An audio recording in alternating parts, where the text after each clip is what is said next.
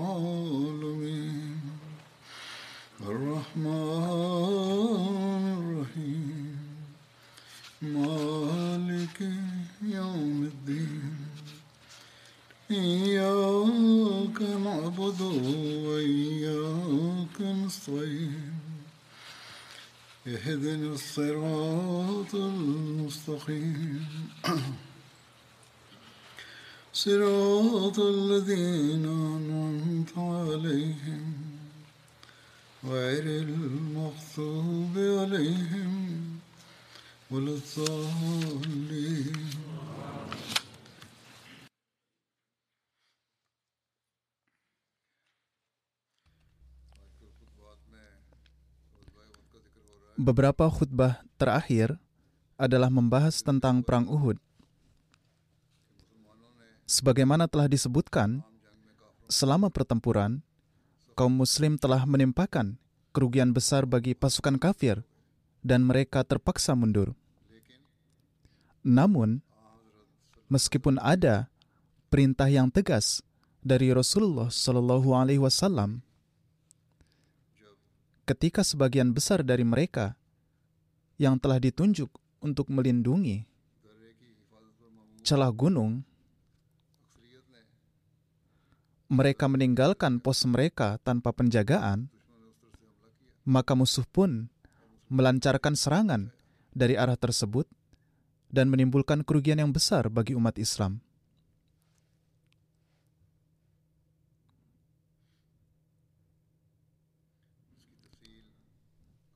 Rinciannya adalah sebagai berikut. Ketika para pembawa bendera kaum musyrik terbunuh satu demi satu, dan tidak ada seseorang pun yang berani mengangkatnya atau mendekatinya, maka kaum musyrik segera melarikan diri. Bahkan para wanitanya yang beberapa saat lalu sedang menabuh genderang dan bernyanyi dengan penuh semangat, mereka membuang genderang mereka dan ikut melarikan diri menuju gunung.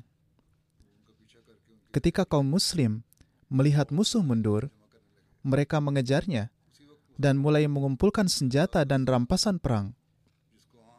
Pada saat itu, para regu pemanah Muslim yang telah ditempatkan oleh Rasulullah Wasallam di atas gunung dan diperintahkan untuk tidak bergerak walau dalam keadaan apa pun, mereka justru pergi untuk mengumpulkan rampasan perang.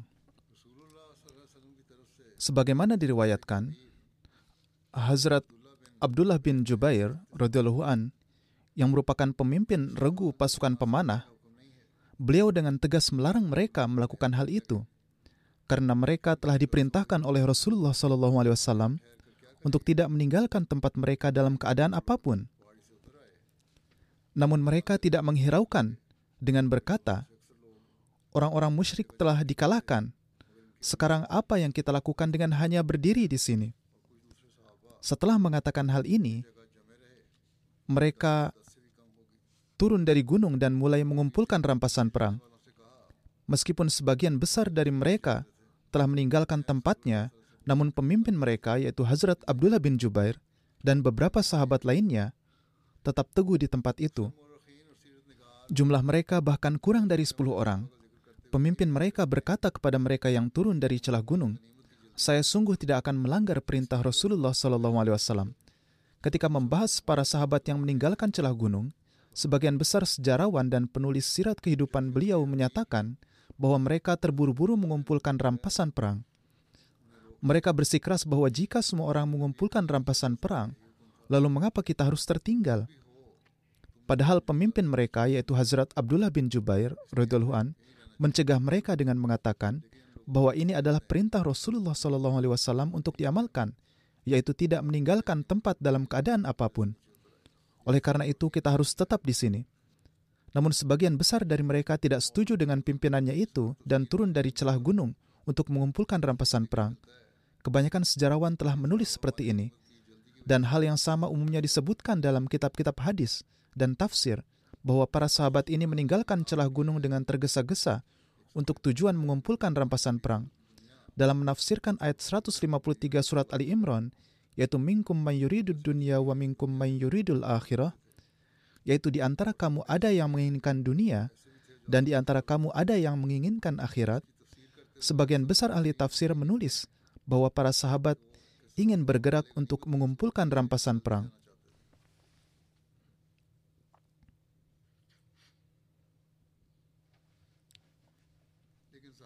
Namun, meninggalkan celah gunung demi keinginan duniawi ini tampaknya tidaklah pantas bagi para sahabat. Hazrat Muslim Maud juga telah menulis catatan rinci sehubungan dengan hal ini. Dalam tafsir beliau yang belum diterbitkan, saya akan sampaikan tafsir beliau ini. Namun sebelum ini saya akan membacakan seluruh ayatnya. Ayat keseluruhannya adalah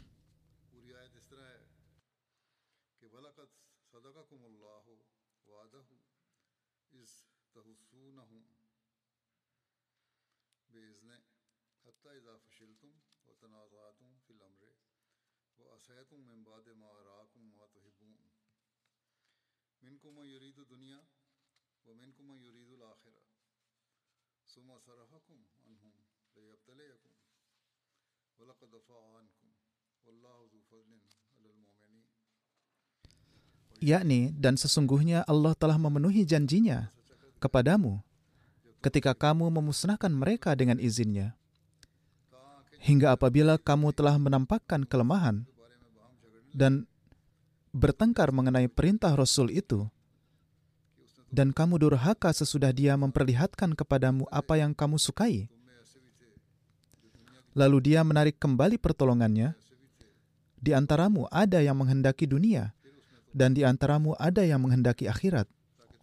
Kemudian dia memalingkanmu dari memperhatikan mereka, supaya dia mengujimu, dan sesungguhnya dia telah memaafkanmu, dan Allah adalah pemilik karunia yang besar bagi orang-orang yang beriman.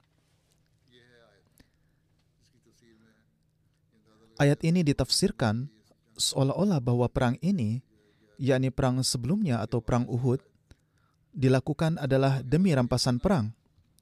Dengan mengatakan demikian mengenai para sahabat, atau dengan berpikiran bahwa para sahabat sangat menginginkan harta rampasan perang, maka ini merupakan bentuk penghinaan terhadap kemuliaan mereka Para sahabat merupakan orang-orang yang telah mengorbankan nyawa mereka sendiri dan meninggalkan istri serta anak-anak mereka demi Allah Ta'ala dan Rasulnya Sallallahu Alaihi Wasallam.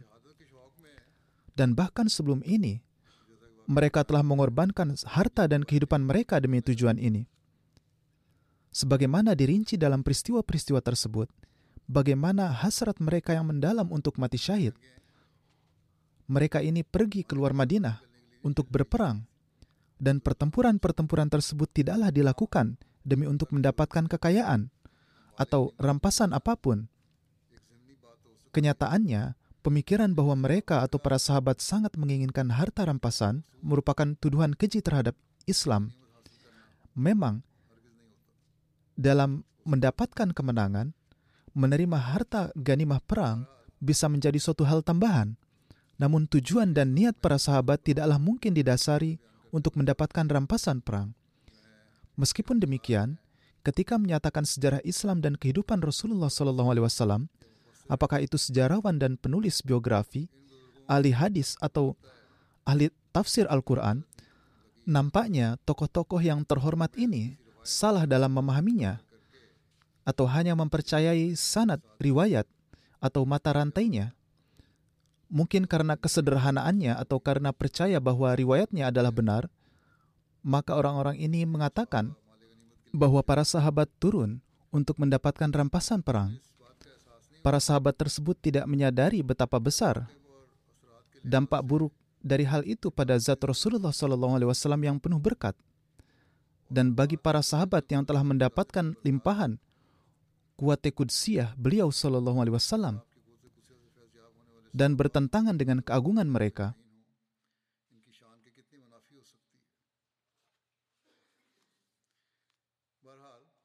Meskipun demikian, melihat pengorbanan dan keinginan para sahabat untuk mati syahid, sulit dipercaya bahwa para sahabat dengan cepat meninggalkan celah gunung Ah, hanya agar mereka dapat memperoleh rampasan perang. Nampaknya, ketika para sahabat ini melihat bahwa kaum Muslim telah meraih kemenangan dan membuat musuh lari, lalu mengejar mereka, setelah melihat kemenangan yang jelas ini, para sahabat yang berada di celah gunung menjadi bersemangat untuk ikut merayakan kemenangan tersebut. Dan tepat setelahnya, setelah meraih kemenangan, mereka merasa cemas dan ingin bergabung pada saat-saat terakhir pertempuran, sehingga berpikiran bahwa kita juga harus ikut merayakannya. Mereka juga mungkin berpikiran bahwa saudara-saudara kita secara langsung tengah mengambil bagian dalam jihad, sedangkan kita malah berada di sini, berdiri di celah gunung. Maka bergejolaklah keinginan mereka untuk ikut serta dalam jihad, bahwa sekarang kemenangan telah tiba. Marilah kita ikut serta dalam jihad, karena hari ini adalah segera berakhir. Setidaknya kita harus mengambil bagian dalam perayaan kemenangan ini. Namun, pemimpin mereka, yaitu Hazrat Abdullah bin Jubair radhiyallahu an, terbukti lebih bijaksana. Beliau lebih menekankan pada perintah Rasulullah SAW bahwa apa pun yang terjadi, jangan beranjak dari tempat ini. Ini adalah keputusan beliau, dan ini adalah keputusan yang tepat. Bahwa apa pun yang terjadi, kita tidak boleh beranjak dari sini. Seperti yang telah saya sampaikan, kita menemukan tafsir ayat ini dari catatan Hazrat Muslim radhiyallahu an yang belum diterbitkan. Tentang hal ini beliau menulis, di antara kamu ada orang-orang yang menghendaki dunia. Di tempat ini, fit dunia tidak mengacu pada rampasan perang, melainkan mengacu pada hal-hal yang ada di dunia.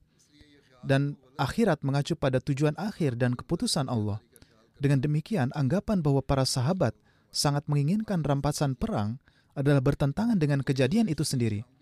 Karena pada saat pertempuran Badar, orang-orang yang tidak dapat ikut serta disebabkan oleh keterpaksaan mereka tetap mendapatkan bagian harta rampasan perang. Oleh karena itu, anggapan tersebut sepenuhnya salah. Dengan beranggapan bahwa para sahabat bersifat duniawi adalah tidak benar. Dan inilah yang disabdakan oleh Hazrat Muslim radhiyallahu. Beliau kemudian menyatakan, sebenarnya mereka memiliki keinginan mendalam untuk ambil bagian dalam perang Uhud, merupakan pemikiran duniawi dengan beranggapan bahwa keinginan mereka untuk mengambil bagian dari pertempuran dan memerangi orang-orang kafir tidaklah berarti bahwa mereka sangat menginginkan untuk mendapatkan harta rampasan. Beliau radhiyallahu an bersabda, Anda berpikir bahwa kami tidak boleh tertinggal oleh mereka yang ikut serta dalam pertempuran. Namun ini juga merupakan pemikiran duniawi. Ini merupakan pemikiran duniawi karena hanya berperang saja bukanlah suatu hal besar. Namun jika Anda tidak mengikuti perintah Rasulullah SAW, itu akan menjadi pemikiran duniawi. Kalian seharusnya mematuhi perintah itu saja. Karena jika kalian tidak menaati perintah Rasulullah SAW, meskipun peperangan ini dilakukan demi agama, namun jika beliau SAW melarangmu untuk melakukan hal ini dan menugaskanmu untuk melakukan tugas di tempat lain, maka menaati perintahlah yang merupakan agama kalian yang sebenarnya, bukannya berperang. Kemudian beliau menyatakan, "Wa minkum mayyuridul akhirah." Dan di antara kamu ada orang-orang yang menginginkan akhirat. Beliau bersabda bahwa para pemimpin pasukan mereka menginginkan akhirat. Keinginan mereka adalah tujuan akhir dan keputusan Tuhan. Mereka melihat bahwasanya hasil dari ketidaktaatan adalah buruk. Jadi, para pemimpin mereka mengarah pada kesimpulan bahwa perintah Rasulullah SAW adalah lebih penting daripada ikut dalam pertempuran. Hazrat Muslim an bersabda penjelasan ini selaras dengan kemuliaan para sahabat dan nampak dari tindakan dan pengorbanan mereka. Dalam menyebutkan catatan Hazrat Muslim an, Hazrat Khalifatul Masih Rabi menguraikan hal ini dengan menyatakan bahwa mereka, yaitu orang-orang yang berselisih, menginginkan perdamaian, sedangkan pemimpin mereka, yaitu Hazrat Abdullah bin Jubair, menginginkan akhirat. Hazrat Khalifatul Masih Rabi bersabda bahwa Hazrat Muslim an dalam catatannya bahwa orang-orang mengartikan dunia di sini sebagai penjarahan dan perolehan rampasan perang, hal ini tidaklah benar. Mereka memandang pada kemenangan sementara yang akan segera terjadi. Arti dunia di sini adalah bahwa pandangan mereka tertuju pada apa yang terjadi sebelumnya, yaitu bahwa pertempuran telah dimenangkan. Sementara itu, pandangan Hazrat Abdullah bin Jubair tertuju pada akhirat, yakni beliau melihat bahwa keberhasilan terbesar berada di bawah keridaan Rasulullah Shallallahu Alaihi Wasallam. Beliau menghendaki agar pada akhirnya Allah Taala dan Rasulullah Shallallahu Alaihi Wasallam lah yang rida dan beliau meyakini bahwa hal-hal yang terlihat di medan Uhud secara sementara ini tidaklah berarti sama sekali. Amalan kita yang paling utama adalah meraih keridaannya. Hazrat Khalifatul Masih Rabi rahimahullah melanjutkan bahwa Hazrat Muslim Maud an lebih lanjut menjelaskan dalil mereka bahwa sebagian sahabat menginginkan dunia dan sebagian menginginkan akhirat adalah keliru. Karena pada nyatanya, apakah arti dunia dalam pandangan mereka atau para sahabat?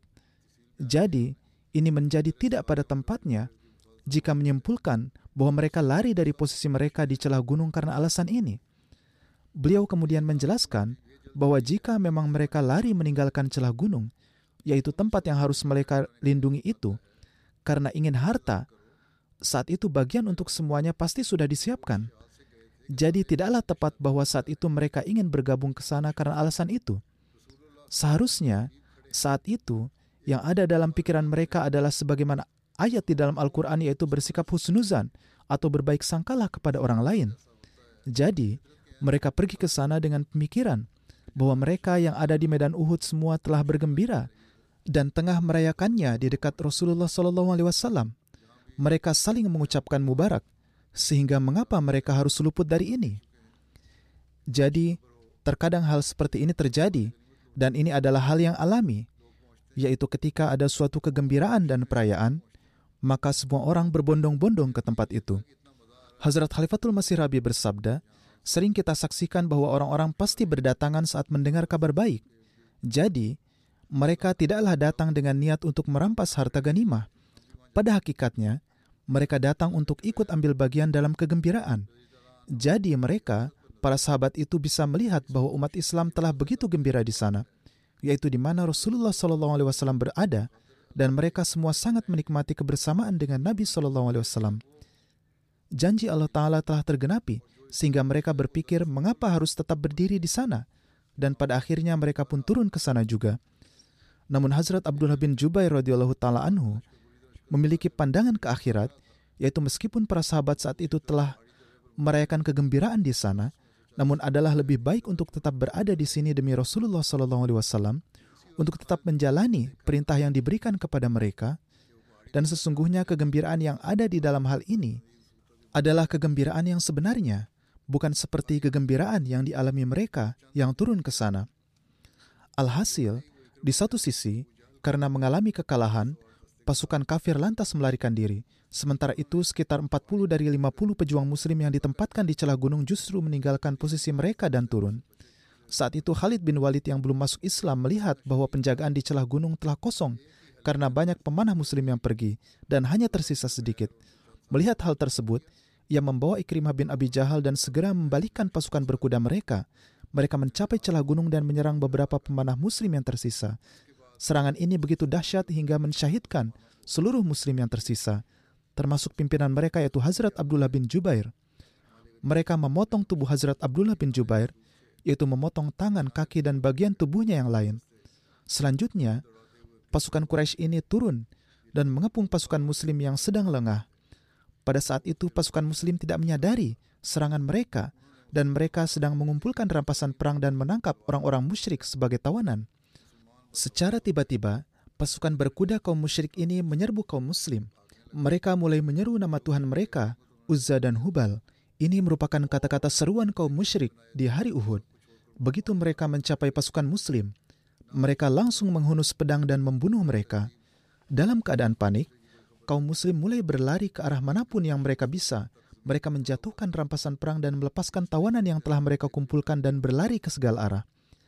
Barisan mereka tidak beraturan dan hancur. Mereka bahkan tidak tahu keadaan sahabat mereka. Hingga saat itu, bendera kaum musyrik masih jatuh di tanah. Namun setelah melihat keadaan yang berubah, seorang wanita musyrik bernama Amrah binti Al-Kamah mengambilnya dan mengangkatnya tinggi-tinggi. Ia mulai berseru kepada kaum musyrik agar bersatu kembali. Kaum musyrik yang saat itu tengah melarikan diri mereka melihat bendera mereka dikibarkan dan menyadari bahwa jalannya pertempuran telah berbalik. Mereka segera kembali dan berkumpul di sekitar bendera mereka. Seorang sejarawan menulis, bendera pasukan Quraisy saat itu telah jatuh tertutup debu hingga seorang wanita bernama Amrah binti Alkamah mengambil kembali bendera itu dan mengangkatnya tinggi-tinggi. Ia mengibarkannya dengan semangat dan segera mencela orang-orang musyrik yang melarikan diri dari medan perang. Ia menyerukan kepada orang-orang kafir Mekah agar kembali. Dengan cara ini, prajurit Quraisy yang telah merasa kalah berkumpul kembali di medan Uhud dan mengepung pasukan Muslim.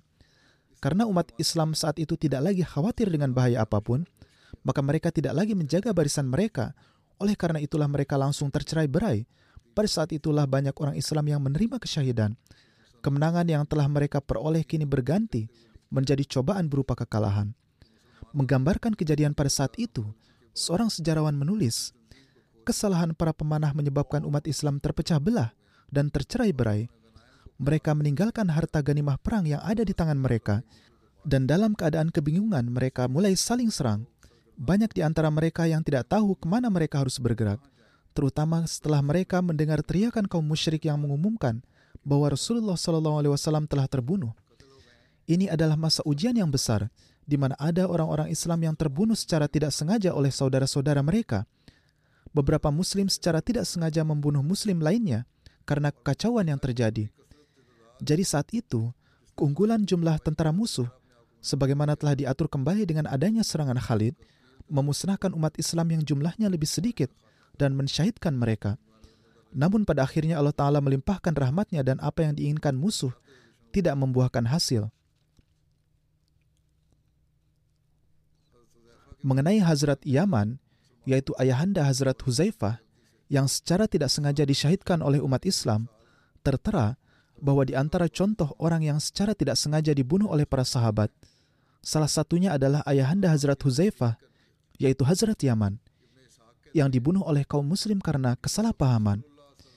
Ibnu Ishaq menulis, ketika Rasulullah SAW berangkat ke Perang Uhud, Hazrat Sabit bin Wahsh dan Hazrat Husail bin Jabir, yang juga bernama Yaman dan merupakan ayah dari Hazrat Huzaifah bin Yaman, karena mereka sudah lanjut usia, mereka hanya berlindung di benteng tempat wanita dan anak-anak Muslim berlindung di Madinah. Salah satu dari mereka berkata kepada yang lain, "Tunggu apa lagi?" Kedua orang yang tua yang berada di benteng itu mulai berkata, "Apa yang kita tunggu?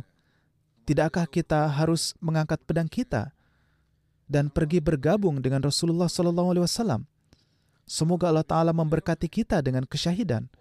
Kemudian keduanya mengambil pedang mereka dan menyerang orang-orang kafir tersebut dan bersatu di antara orang-orang banyak.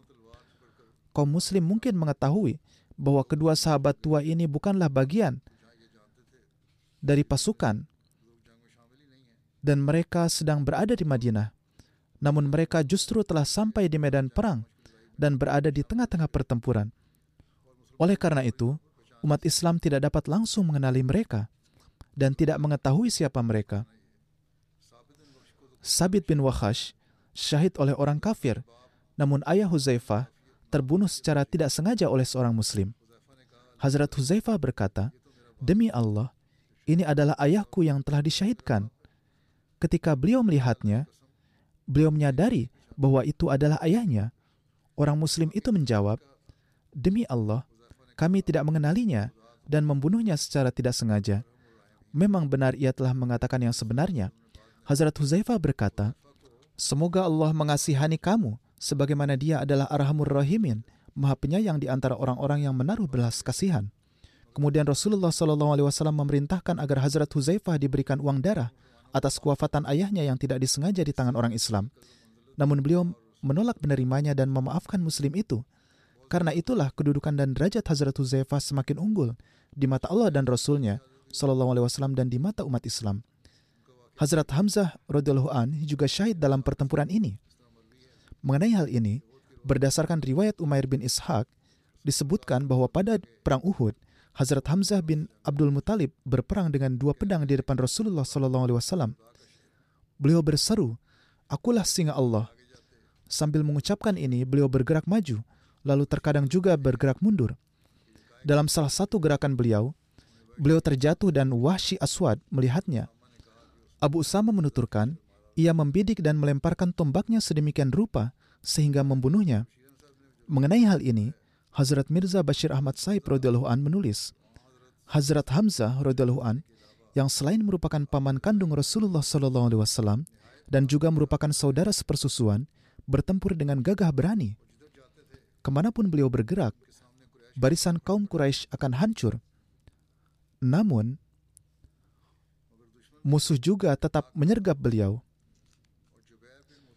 Jubair bin Mut'im secara khusus membawa serta seorang budak dari Habsyah atau Ethiopia bernama Washi dan berjanji akan membebaskannya dengan syarat ia harus mencari cara membalas dendam dengan membunuh Hamzah yang telah membunuh Taimah bin Adi yang adalah paman Jubair pada perang Badar. Oleh karena itu, Wahsy bersembunyi di suatu tempat dan menyergap beliau ketika Hazrat Hamzah menyerang seseorang dan melewati tempat ini, si pembunuh membidik dengan tepat dan melemparkan tombak kecilnya dan segera menembus tubuh beliau sehingga ujungnya tampak di bagian yang berlawanan. Hazrat Hamzah terhuyung dan terjatuh ke tanah. Namun beliau mengerahkan kekuatan yang tersisa untuk berdiri lagi dan berusaha melakukan penyerangan kepada Washi namun tersungkur lagi ke tanah dan beliau mati syahid. Dengan ini maka pilar kuat pasukan Islam pun jatuh ketika Rasulullah Wasallam diberitahu bahwa Hazrat Hamzah telah dibunuh. Beliau sangat sedih. Ada riwayat bahwa setelah Gazwah atau perang Taif, ketika pembunuh Hazrat Hamzah datang ke hadapan Rasulullah Wasallam, meskipun beliau telah memaafkannya, namun karena kecintaan beliau kepada Hazrat Hamzah, beliau memerintahkan agar Washi tidak lagi datang ke hadapan beliau. Pada saat itu Washi bersumpah bahwa selama dia tidak menggunakan tangan yang sama yang telah digunakannya dalam membunuh paman Rasulullah Wasallam untuk membunuh musuh besar Islam, maka ia tidak akan berhenti. Washi telah menjadi Muslim pada saat itu sehingga dirinya pun berubah. Alhasil di masa kekhalifahan Hazrat Abu Bakar dalam pertempuran Yamamah, beliau memenuhi sumpahnya dengan membunuh Musailimah Al-Kazzab yang mengaku kenabian palsu. Saat itu jenazah Hazrat Hamzah radhiyallahu an diperlakukan dengan cara yang sangat keji. Dalam riwayat tertera, istri Abu Sufyan yaitu Hindun ikut bersama pasukan di hari Uhud. Ia telah bersumpah untuk memakan hati Hazrat Hamzah untuk membalas dendam terhadap ayahnya yang telah dibunuh oleh Hazrat Hamzah di perang Badar. Ketika terjadi keadaan itu dan Hazrat Hamzah disyahidkan, kaum musyrik mulai memotong secara keji jenazah beliau, memotong hidung, telinga, dan lain-lain. Mereka juga membawa hati Hazrat Hamzah, dan Hindun mulai untuk memakannya. Namun ia tidak mampu menelannya dan membuangnya. Ketika Rasulullah SAW mengetahui kejadian ini, beliau bersabda, Allah Ta'ala telah mengharamkan api neraka. Bagi siapa saja yang menyentuh bagian mana pun dari tubuh Hamzah untuk selamanya.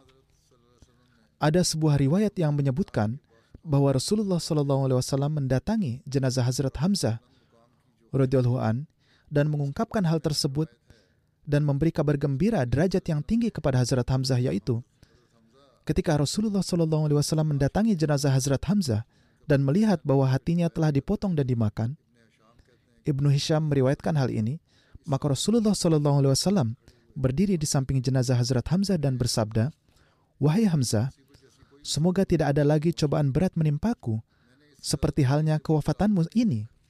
Aku belum pernah melihat pemandangan yang lebih menyakitkan dari hal ini.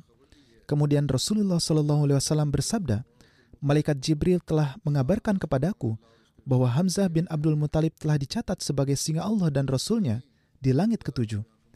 Hazrat Khalifatul Masih Sani radhiyallahu taala anhu bersabda, di antara musuh keras Rasulullah Shallallahu alaihi wasallam adalah Hindun. Ia sedemikian rupa memusuhi hingga membacakan bait-bait puisi di hari Uhud untuk membangkitkan semangat pasukannya menyerang kaum muslim. Ketika pertempuran mencapai titik rapuhnya bagi umat Islam,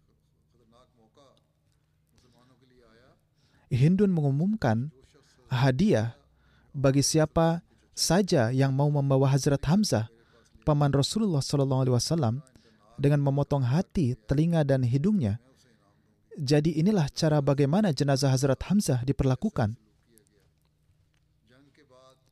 Setelah pertempuran, ketika Rasulullah Wasallam mengetahui bahwa jenazah paman beliau telah diperlakukan dengan cara seperti ini, tentu secara alami beliau sangat sedih sehingga beliau bersabda, "Musuh telah memulai tindakan kejam ini, dan sekarang aku pun akan memperlakukannya demikian."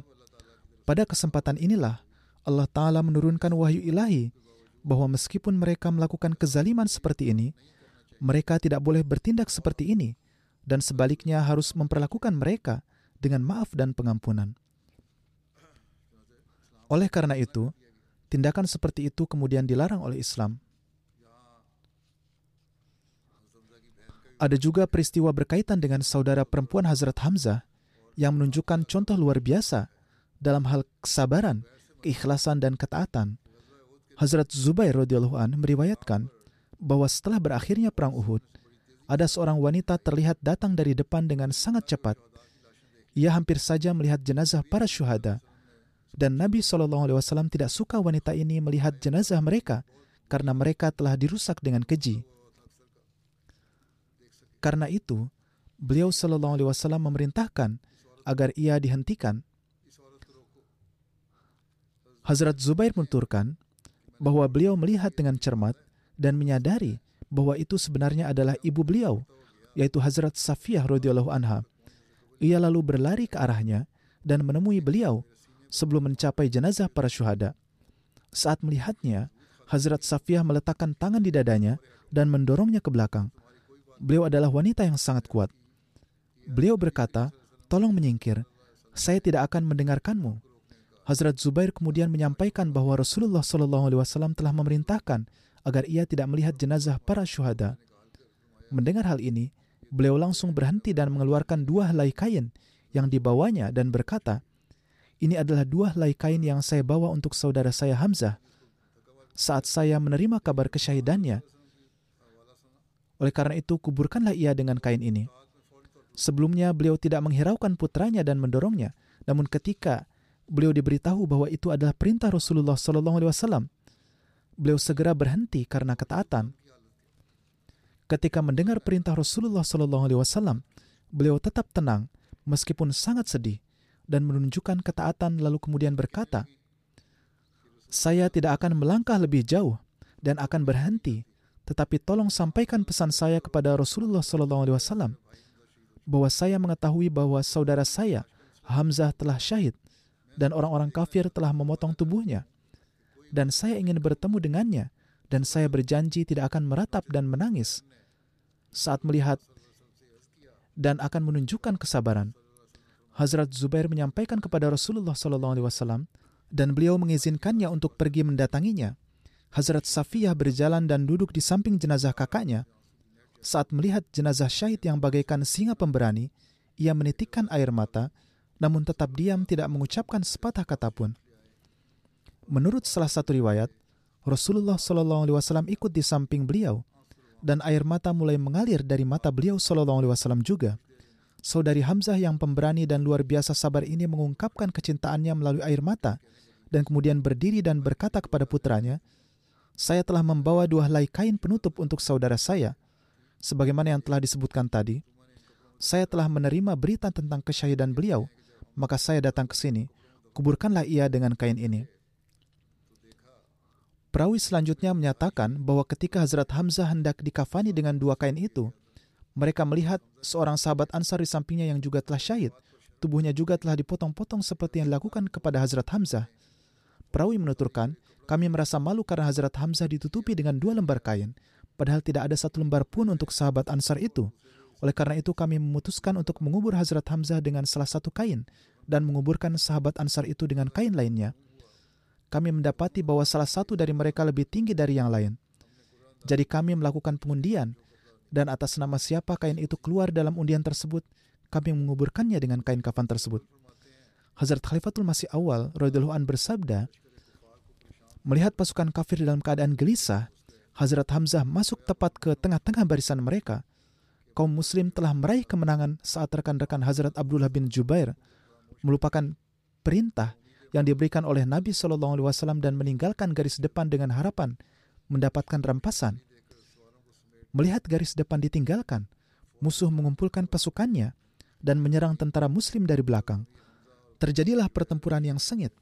Pimpinan pasukan Hazrat Hamzah dan Hazrat Abdullah bin Jubair syahid. Hazrat Ali, Hazrat Umar, dan Hazrat Abu Bakar Siddiq radhiyallahu anhum juga terluka. Hindun binti Utbah, istri Abu Sufyan membelah dan mengunyah hati Hazrat Hamzah, pimpinan pasukan muslim. Sementara telinga dan hidung orang-orang Islam yang terbunuh dipotong-potong dan dikalungkan di leher mereka. Umat Islam sangat marah melihat jenazah para syuhada mereka dinodai dengan cara seperti ini. Sampai-sampai Rasulullah SAW menjadi sangat marah dan kesal, sehingga beliau pun memerintahkan bahwa kapan pun mereka menang, umat Islam harus memperlakukan jenazah orang-orang kafir dengan cara yang sama. Oleh karena itu, saat melihat paman tercinta beliau, beliau Shallallahu Alaihi Wasallam bersabda,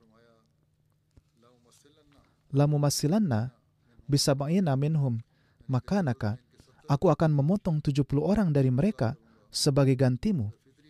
Namun fitrah belas kasih dan kelembutan yang dimiliki oleh Rasulullah Shallallahu Alaihi Wasallam mengatasi kemarahan manusiawi yang bersifat sementara itu sehingga diturunkanlah ayat berikut. Wa bimisli ma uqibtum bih. Wa in sabartum lahu khairul jadi menunjukkan kesabaran dalam kesempatan dan kondisi seperti ini subhanallah sungguh benar sekali firman Allah wa ma arsalnaka illa rahmatan lil alamin di sini beliau memuji Rasulullah Wasallam sebagai rahmat bagi seluruh umat manusia. Hazrat Khalifatul Masih Awal bersabda, sejak saat itu, tradisi keji merusak dan memotong-motong jenazah yang masih terus dilakukan oleh kaum-kaum lain pada masa berikutnya telah dilarang untuk umat muslim dan keistimewaan ini hanya diberikan kepada Islam. Saat itu kaum muslim menghadapi kesedihan besar dalam pertempuran tersebut dan musibah ini disebabkan oleh kesalahan regu pasukan Hazrat Abdullah bin Jubair – namun hal ini juga membawa manfaat yang besar karena permusuhan dan penentangan dari orang-orang munafik dan Yahudi menjadi nyata sehingga menjadi pembeda antara mereka dengan kaum muslim yang sejati. Hazrat Muslim Maud an bersabda, salah satu penentang keras Nabi SAW adalah Hindah. Ia dipanggil Hindah dalam bahasa Urdu sedangkan nama aslinya adalah Hindun. Ia adalah penentang yang sangat keras sehingga pada saat perang Uhud, ia membacakan puisi untuk menghasut orang agar menyerang pasukan Muslim. Ketika pasukan Muslim berada dalam keadaan yang sangat rapuh, ia mengatakan bahwa siapa pun yang membawakan hati Hazrat Hamzah radhiyallahu an, yaitu paman Rasulullah sallallahu alaihi wasallam dan juga memotong telinga dan hidungnya dan membawanya kepadanya, maka ia akan memberinya hadiah. Perlakuan inilah yang dilakukan terhadap jenazah Hazrat Hamzah. Setelah perang, ketika Rasulullah SAW mengetahui bahwa paman beliau telah dinodai dengan cara seperti ini, beliau SAW secara alami merasakan keperihan yang luar biasa, dan beliau SAW bersabda, "Bila musuh telah memulai perlakuan kejam seperti itu, maka aku juga akan memperlakukan mereka dengan cara yang sama." Saat itulah Rasulullah SAW menerima wahyu dari Allah Ta'ala yang menyatakan bahwa meskipun telah terjadi perlakuan kejam ini, beliau SAW tidak boleh mengambil tindakan seperti itu dan sebaliknya harus memberikan pengampunan dan pemaafan. Saya akan menjelaskan lagi rincian pertempuran di kesempatan yang selanjutnya insya Allah. Saya senantiasa mengingatkan para Ahmadi untuk terus mendoakan rakyat Palestina. Semoga Allah Ta'ala memberikan taufik kepada dunia untuk benar-benar mengambil tindakan nyata melawan ketidakadilan. Meskipun suara-suara yang menentang hal ini semakin kuat, dan orang-orang bahkan berbicara tentang fakta bahwa kezaliman sedang berlangsung. Tetapi tampaknya semua orang takut terhadap pemerintah Israel. Atau memang dunia barat secara alami menentang dunia muslim dan menyimpan kebencian terhadap mereka, sehingga mereka tidak ingin ketidakadilan terhadap mereka berakhir atau sengaja tidak melakukan upaya yang diperlukan untuk mengakhiri ketidakadilan tersebut. Mereka tidak memandang bahwa kezaliman ini tengah dilakukan terhadap anak-anak, perempuan, dan orang tua yang tidak bersalah. Oleh karena itu, kita tidak bisa mempercayai mereka sepenuhnya. Namun, kita harus terus berusaha memberikan pemahaman kepada mereka, dan kita juga harus terus berdoa. Semoga Allah Ta'ala memberikan keberanian kepada negara-negara Muslim untuk memperkuat suara mereka dan benar-benar bersuara melawan penindasan ini sebagai satu kesatuan dan berusaha untuk mengakhirinya. Setelah sholat Jumat, saya akan memimpin dua sholat jenazah gaib. Jenazah pertama adalah Syekh Ahmad Hussein Abu Sardana yang berasal dari Gaza. Tuan Muhammad Sharif Odeh telah menulis bahwa beberapa hari yang lalu, sesepuh Ahmadi kita, Syekh Ahmad Hussein Abu Sardana, telah syahid akibat pemboman Israel di Gaza. Innalillahi wa inna ilaihi raji'un. Almarhum adalah Ahmadi pertama yang menjadi syahid dalam perang yang terjadi di Gaza saat ini. Syekh Ahmad Abu Sardana berusia sekitar 94 tahun. Beliau termasuk salah satu ulama lulusan Universitas Al-Azhar pada tahun 1970, beliau dan beberapa temannya mengunjungi Haifa. Karena hari itu kebetulan adalah Idul Fitri, maka atas kehendak Allah Ta'ala, almarhum dan teman-temannya pergi ke Kababir. Dalam khutbah Idul Fitri, mubalik jemaat, almarhum Maulana Bashiruddin Ubaidullah berbicara tentang kedatangan Imam Mahdi yang menggugah pemikiran almarhum Syekh Abu Sardana. Beliau menyampaikan kepada Ahmadi yang duduk di sebelahnya, Tuan Falhuddin Odeh, bahwa beliau ingin bertemu dengan Maulana Basruddin Ubaidullah untuk mendapatkan penjelasan secara detail. Dalam perbincangan itu, beliau berkata kepada Maulana Sahib, Almarhum ayah saya menasihati saya bahwa jika semasa hidup saya, saya menerima berita mengenai kedatangan Imam Mahdi, maka saya harus bayat. Oleh karena itu, pada hari itu juga, Tuan Syekh Ahmad Abu Sardana melakukan bayat. Melihat hal tersebut, Beberapa temannya pun berbaiat. Almarhum dicintai oleh semua orang sebagai ulama yang terhormat di daerahnya. Beliau tidak mempunyai anak. Meskipun demikian, ada beberapa Ahmadi yang mukhlis di kalangan kerabat beliau.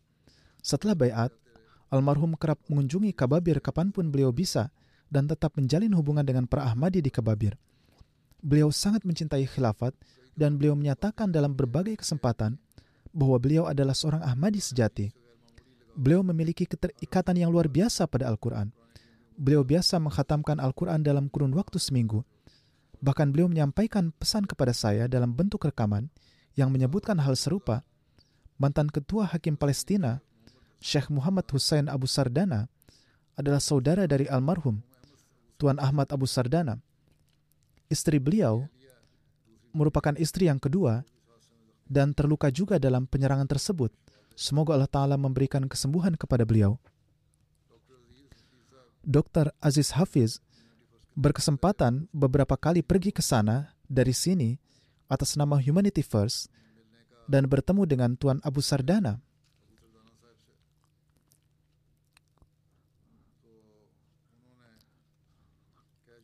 Beliau berkata, ketika saya pergi menemuinya, beliau selalu berusaha berdiri untuk menghormati saya saya meminta beliau untuk tetap duduk.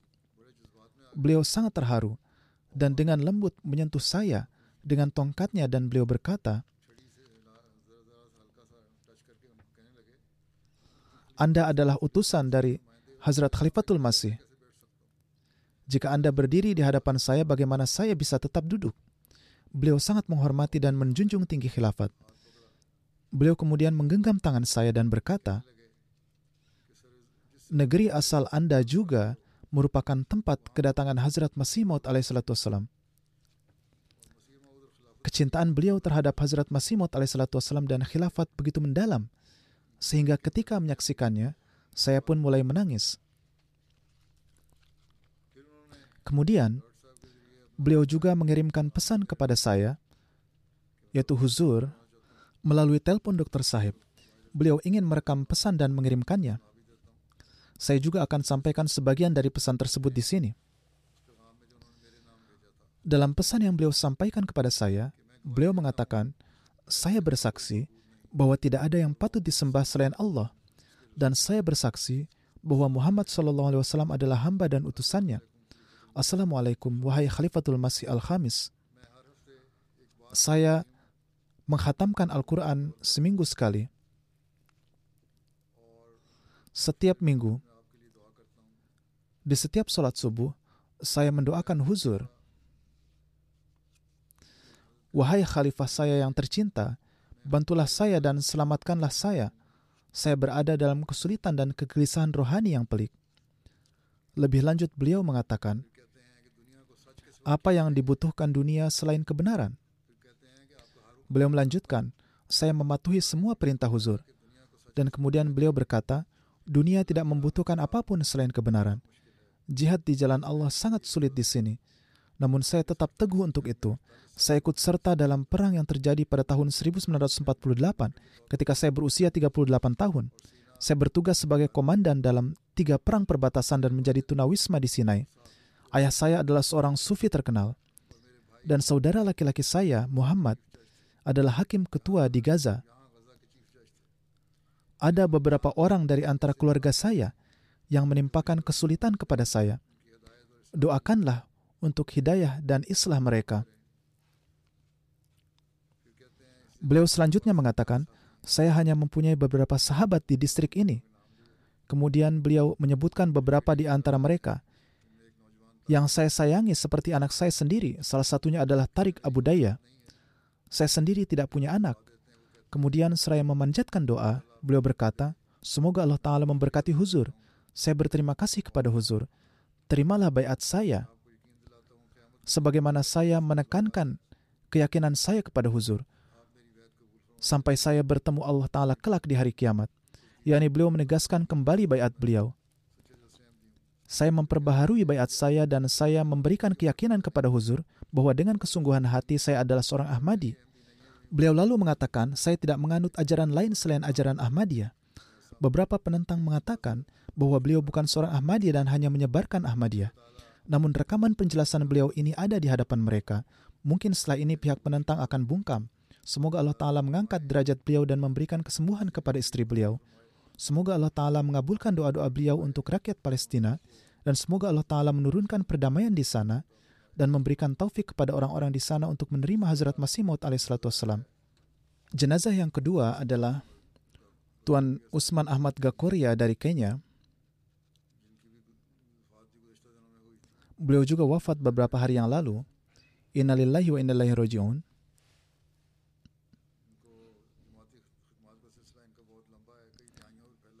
Beliau memiliki sejarah panjang dalam mengkhidmati jemaat hingga beberapa dekade.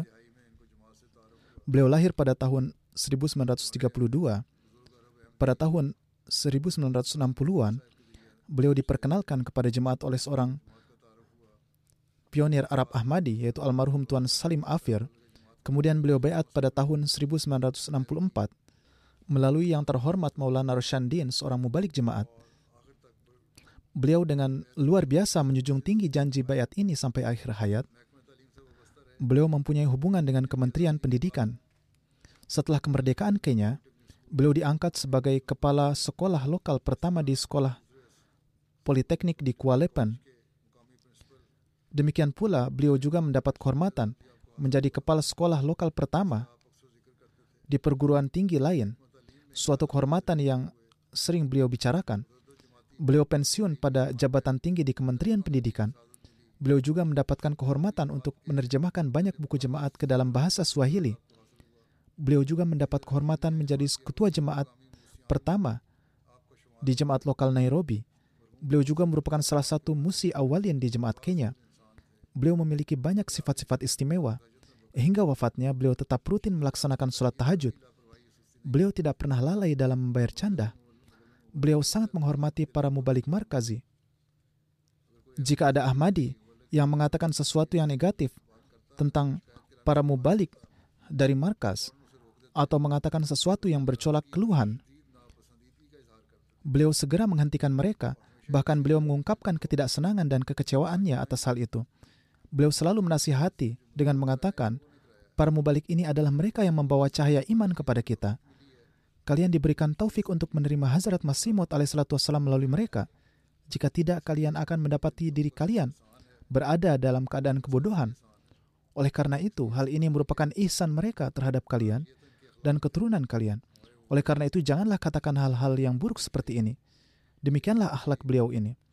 Para mubalik kita dan juga mereka yang masih baru harus meningkatkan standar mereka sehingga mereka menjadi teladan bagi orang-orang setempat. Selain itu, almarhum juga sangat ramah terhadap tamu. Sebagian besar anak keturunan beliau terikat erat dengan jemaat dan mengkhidmati jemaat dengan satu dan lain cara – Salah satu putra beliau, Abdul Aziz Gakoria, menjabat sebagai sadar majlis Ansarullah di Kenya.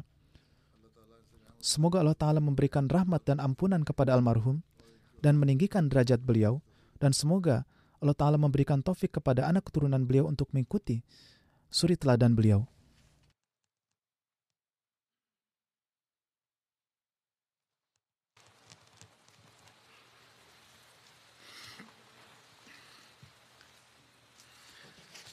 Alhamdulillah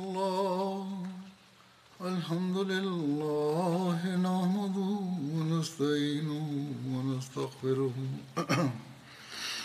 ونؤمن به ونتوكل عليه. ونعوذ بالله من شرور أنفسنا ومن سيئات أعمالنا. من يهده الله فلا مضل له ومن يضلل فلا هادي له. ونشهد أن لا إله إلا الله. ونشهد أن محمدا عبده ورسوله. عباد الله رحمكم الله. إن الله يأمر بالعدل واللسان وإيتاء ذي القربى. وينهى عن الفحشاء والمنكر والبغي يعظكم لعلكم تذكرون. اذكروا الله يذكركم وادعوه يستجب لكم ولذكر الله أكبر.